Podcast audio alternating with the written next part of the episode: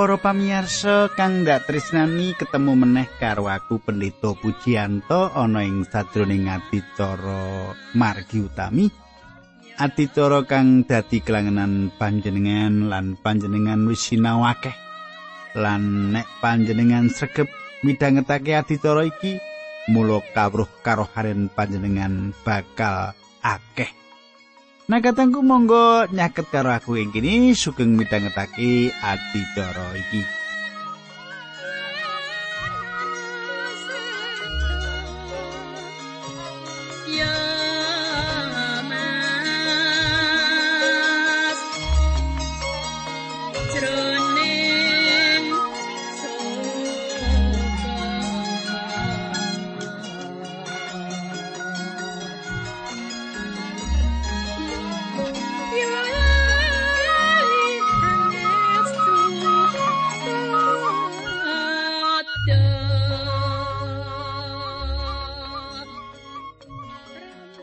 Kadangku pengarep-arepku panjenengan isi kelingan apa sing tak aturake kepungkur. Kita wis sinau bab pangon sejati lan wedhus sing ketriwal. Nah, panjenengan saiki ndak derekake nyemak bebarengan andaran kang sak banjuri. Nanging sadurunge kuwi monggo kita ndedonga dhisik supaya Gusti Allah nuntun anggon kita tetunggalan. Duh Kanjeng Rama ing swarga kawula ngaturaken gunging panuwun. Menawi wekdal menika kawula saged tetunggilan kalian sederek-sederek kawula ingkang setya tuhu midhangetaken adicara menika. Kados dene telepon satunggaling sederek supados dipun dongaaken anggenipun pados pakaryan. Duh pengiran sedaya ingkang mirengaken adicara menika ingkang betahaken pakaryan kangge kesangipun supados Gusti piyambak ingkang maringi pakaryan. Kanthi makaten hasil pakaryan menika saged kangge nyekapi kabetahanipun. Dinambaran asmanipun Gusti Kawulo Yesus Kristus kawula ndedonga. Haleluya. Amin.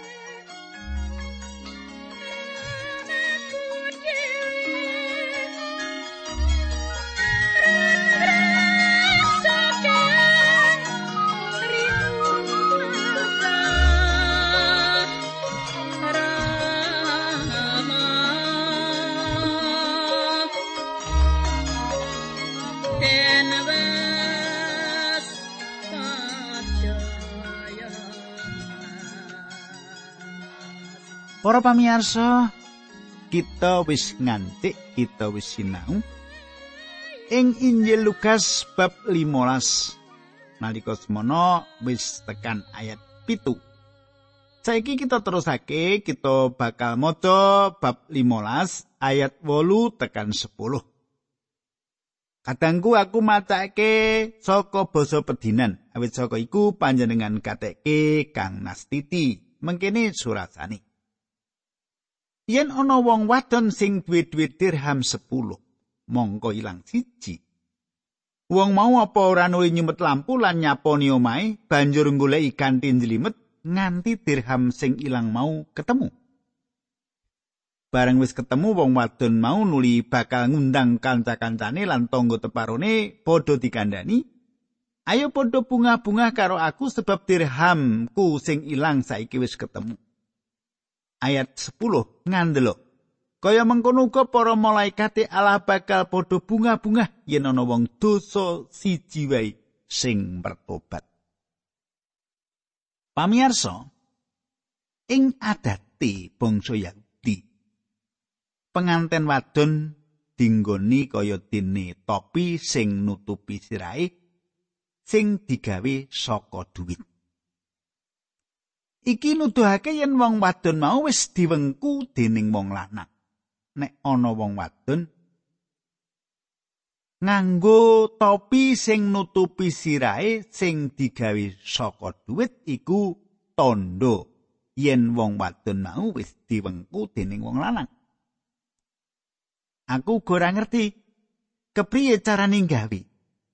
Yen iku ilang sekeping, siji ilang. Padha karo kelangan matane ali-ali nikahe. Wong wadon iki nggambarake Sang Roh Suci sing wis nemtokake pira cacahe tamu saka sanak kadange wong lanang.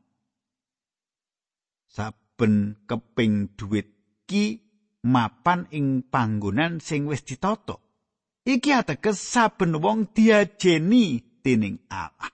Saben wong diajeni dening Allah. Saiki ayat 11 nganti telulas. Gusti Yesus mbacotake nggone ngendika ana wong duwe anak lanang loro. Anak sing ragil matur marang bapak, "Ni bapak, keparenga kula nyuwun bagian kula saking sedaya ingkang badhe panjenengan warisaken." Bapak ni mau nuli bagi barang darbe marang anak loro. Let sawetara dina meneh anak sing ragil mau nuli ngedoli barang darbe sing dadi bagiane, nuli lunga menyang negara monco, duwite digawa kabeh ana ing kono duwite diebreh-ebreh dinggo ngujo kasenengani. Katangku kang dak tresnani, apa sing ditulis ana kitab suci ing Injil Lukas iki minangka gambaran sawijining keluarga sing wis mapan.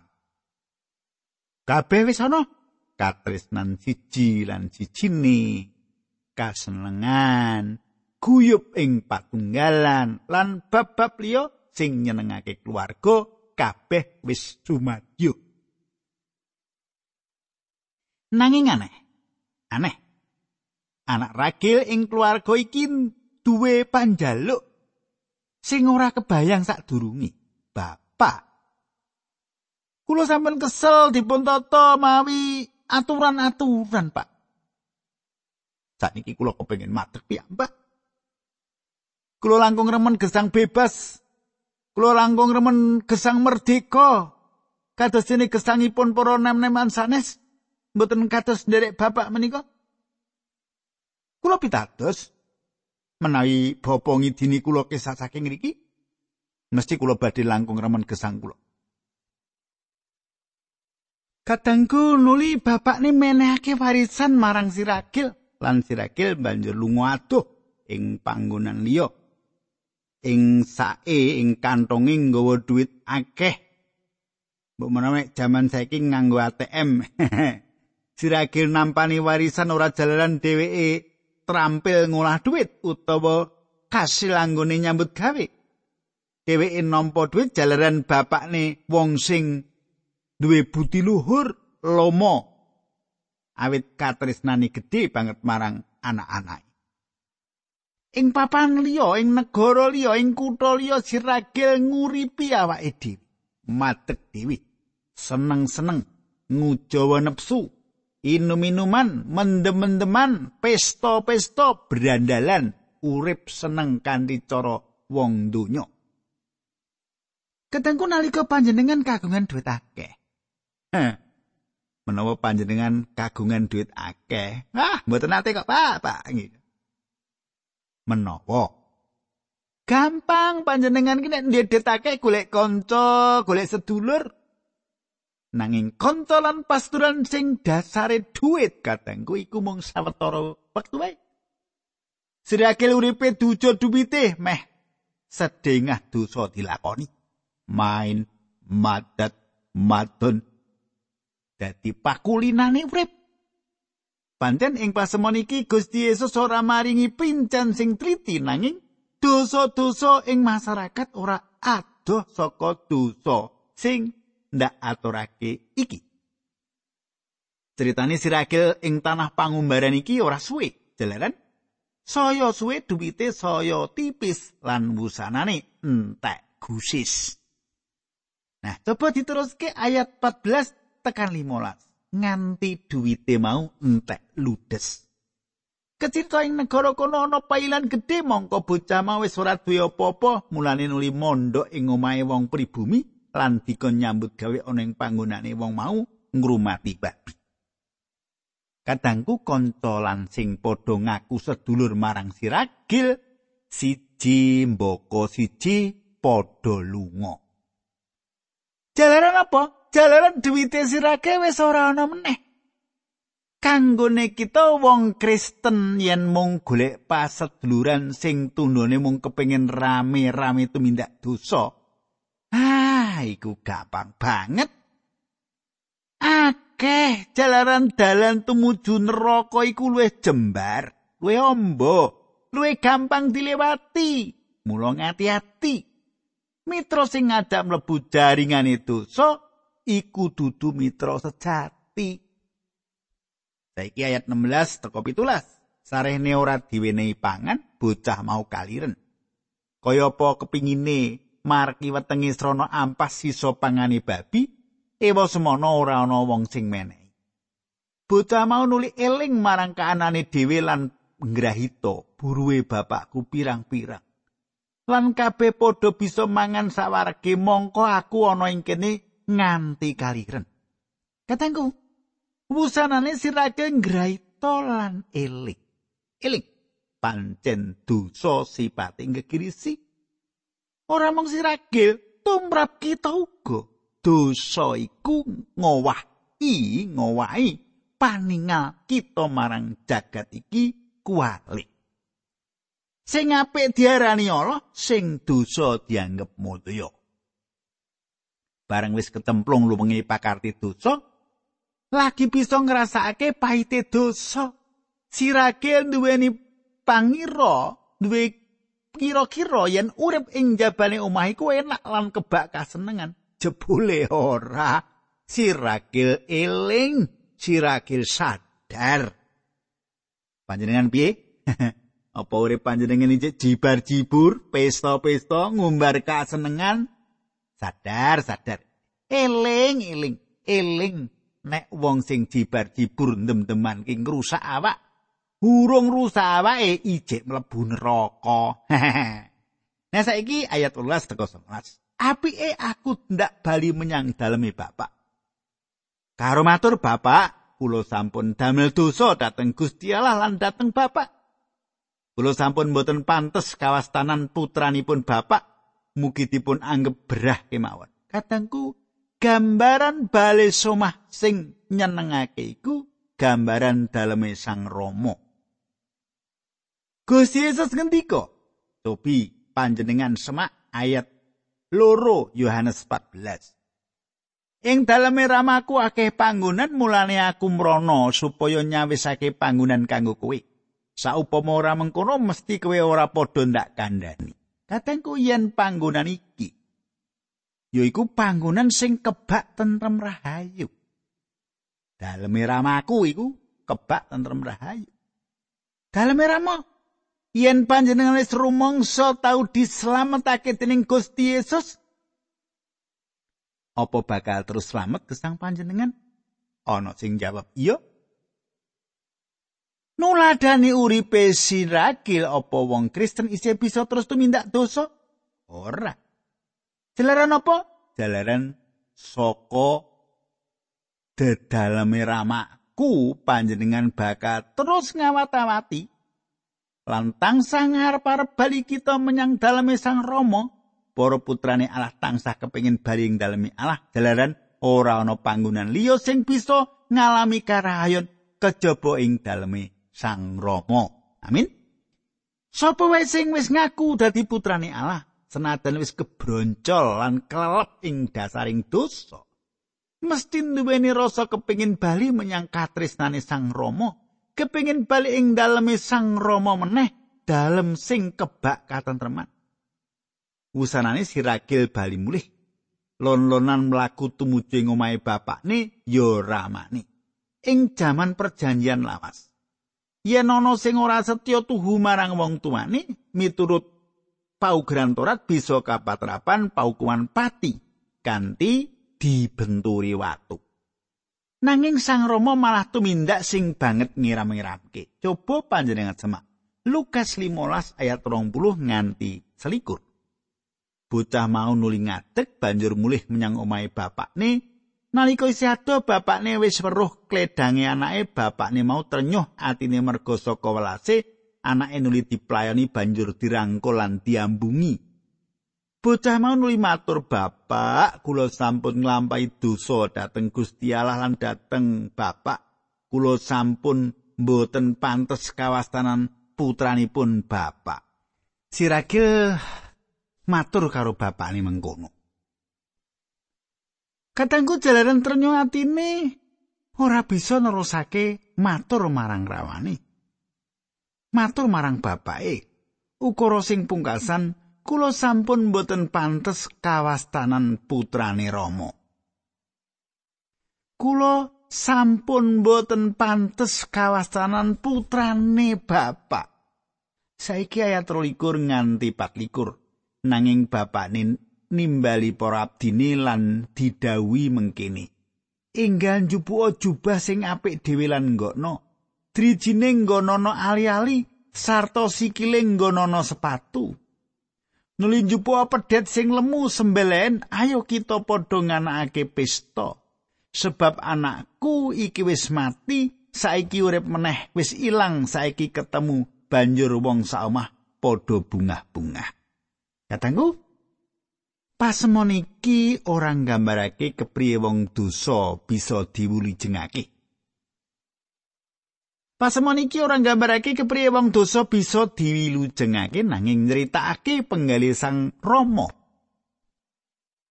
Sing ora mung nyelametake wong dosa, nanging nampani bali putrane sing wis ketlikung dosa. Yen panjenengan kepengin seneng-seneng, ora perlu kudu metu saka daleme Sang Rama. Pancen panjenengan iku putrane Allah, mula ora dikeparengake dening Sang Rama yen panjenengan kekeceh ing sakjroning dosa. Upamane panjenengan wis geblebek ing dosa sing panjenengan gandrungi, sing digambarake kaya dene kandang babi sing jember banget, mesti panjenengan bakal nelongso lan rumangsa ora seneng manggon ing kono. Ing sawijining dina banjur kondo marang awake dhewe, aku kepingin bali menyang daleme Sang Rama. Nuli panjenengan grigah mlaku kanthi bali, bali mulih menyang daleme Sang Rama. Coba panjenengan semak siji Yohanes siji ayat songo layangi Yohanes meratelake mengkene. Nanging menawa kita padha ngakoni dosa-dosa kita marang Gusti Allah, panjenengane bakal netepi janjine lan tumindak adil temah bakal ngapura saking dosa kita sarta ngresiki saking piolo kita. Kadangku. Iki carane siragil nalika tumiba ing dosa. Uga cara kita yen tumiba ing dosa kanggo sowan bali mulih ing ngarsane Sang Rama. Cara sing baku pancen kudu ngakoni sakabehe dosa kita. Panjenan pirsani apa sing ditindakake dening Sang Rama marang siragil iki? Enggal njupuk jubah sing apik dhewe lan enggokno. Nuli jubah diparingake sawise adus lan resik. Nanging menawa kita padha ngakoni dosa-dosa kita marang Gusti Allah, panjenengane bakal netepi janjine lan tumindak adil temah bakal ngapura saking dosa kita sarta ngresiki saking piolo kita. Kadangku Gusti Yesus nyucikake kita kanthi cancut panjenengane sing bakal miji sikil kita lan dielapi kanthi anduk sing diasto dewi. Nuli diparingi ali-ali tondo kadewasan lan peparing rupa-rupa saka Sang Rama, siragel dibalekake meneh dadi keluarga kaya mau-mauni. Gusti Yesus pinarak ana satengene Sang Rama isih tetep siaga kanggo nyucikake kita. Yen sawayah-wayah ana putrane sing bali saka pangunan sing adoh, bali menyang Sang Romoni. Gusti Allah iku setya tuhu ing janji lan tansah sumadyo paring pangapura. Lan kersa nyucikake kita saka duraka lan dosa kita. Bapak kula sampun nglampahi dosa dhateng Gusti Allah lan dhateng Bapak. Kula sampun mboten pantes kawastanan putranipun bapak. Katangku, monggo kula lan panjenengan dadosaken abdi kemawon. Bapak kula sampun nglampahi dosa dhateng Gusti Allah lan dhateng bapak kula sampun mboten pantes kawastanan putraning bapak. Monggo kula panjenengan dadosaken abdi kemawon. Nuli ramani ngendika ora kowe kuwi anak ingsun ora pisan-pisan ndak anggap dadi baturku kowe tetep putraku ndak apura dosamu lan arep ndak sucikake meneh ndak paringi kewajiban kaya mauni sepisan anak kowe tetep anakku. Katengku, kita teruske ayat selawi. Nalika semono anak sing barep isih ana ing pategalan, bareng mulih lan saya cedhak ing omahe krungu suarane gamelan lan sindenan. Ayat 6 likur nganti 8 bocah mau nuli ngundang sawijining abdi sarta takon, "Ing omah lagi ana apa?" Wangsalane abdi mau, "Ndara, Kang Rayi sampun wangsul." Pramila ingkang Rama lajeng dawuh meragat lembu ingkang sae piyambak awit putranipun sampun wangsul kanthi wilujeng. Bareng krungu ature abdi kuwi, anak sing barep mau nesu banget lan ora gelem mlebu omah. Bapakne nuli metu nemoni sarta ngari-ari anake sing nepsu mau. Katengku Kang dak tresnani. Yo iki gambarane anak ilang sing sak benere. Yo patrape sing barep iki minangka gegambarane anak ilang sing sak beneri. Anak barep mau nesu nalika ngerti adik sing ilang bali mulih meneh. Apa maneh nalika disubyo-subyo? Apa maneh nalika adike dipestakake? Dheweke ora gelem nekani pesta nganti ramane marani lan ngajak supaya gelem nekani pesta mau. Kadangku tak terus kayak sama. Nanging anake malah matur. Pinten-pinten tahun pun kula nyambut damel setengah pecah kagem bapak. Mengaten ugi kula mboten nate mbangkang ing dawuhipun bapak. Ewa semanten menapa bapak nate maringi? Menapa-menapa dateng kula? Mendo ingkang supados kenging kula angge bingah-bingah kalian kanca-kanca kula setunggal kemawon mboten nate. Nanging pun ragil menika sampun nelasaken bandanipun bapak sedaya kangge nyundel. Mongko sawek kemawon dateng bapak sampun meragetaken pedet leman kangge piyambakipun. Tak terus kaya telung posisi telung loro. Bapak ninu limang suli. Anakku ngir kowe kuwi salawase ana ing kene karo aku. Dene apa sak duweku kuwi rak ya duwekmu. Waktu iki wis sak mesine kita kabeh padha bunga-bunga sebab adimu wis mati urip meneh, wis ilang ketemu. Para pamirsa Rama kasuwargan iku sugih ing peparing. Apa wae kagungan? Apa wae kagungan lan iku kabeh diwarisake kanggo kita. Iku kabeh warisan kanggo kita. Nanging panjenengane ora tau meksa supaya kita njupuk berkah iku. Coba panjenengan semak unine Injil Yohanes 1 ayat 13. Ewa semono uga ana wong-wong sing padha nampani lan percaya, wong-wong mau padha diparingi wewenang dadi putrane Allah. Katangku keselamatan iku tekane saka percaya marang Gusti Yesus. Kabeh kagungane Sang Rama diparingake marang kita sing percaya jalaran kita para putrane. yen panjenengan durung tau percaya marang Yesus sang juru wilujeng iku panjenengan ora iso dadi putrane Allah panjenengan ora bakal nampani warisan urip langgeng saubo ramene yen panjenengan percaya marang Gusti Yesus minangka juru wilujeng panjenengan panjenengan bakal dadi putrane Allah Mula panguwuhing pandonga kita marang Allah Duh Rama kawula. Kadangku semene dhisik giaran kita iki apa sing tak aturake marang panjenengan tak suwun dieling-eling engko pepanggihan sing arep teko panjenengan tak takoki. Saiki ayo padha ndedonga dhisik. Duh Kanjeng Rama ing swarga kawula ngaturaken kuing panuwun menawi wekdal menika kawula saged midhangetaken sabda pangandikan paduka. Katerangan-katerangan ingkang abdi paduka handharaken menika ndadosno cetanipun ungling pangandikan paduka lan saged dados cepengan pangandikan paduka menika wonten ing lampah gesangipun para sanak kateng kawula menika. Dinambaran asmanipun Gusti Yesus Kristus kawula ndedonga haleluya amin.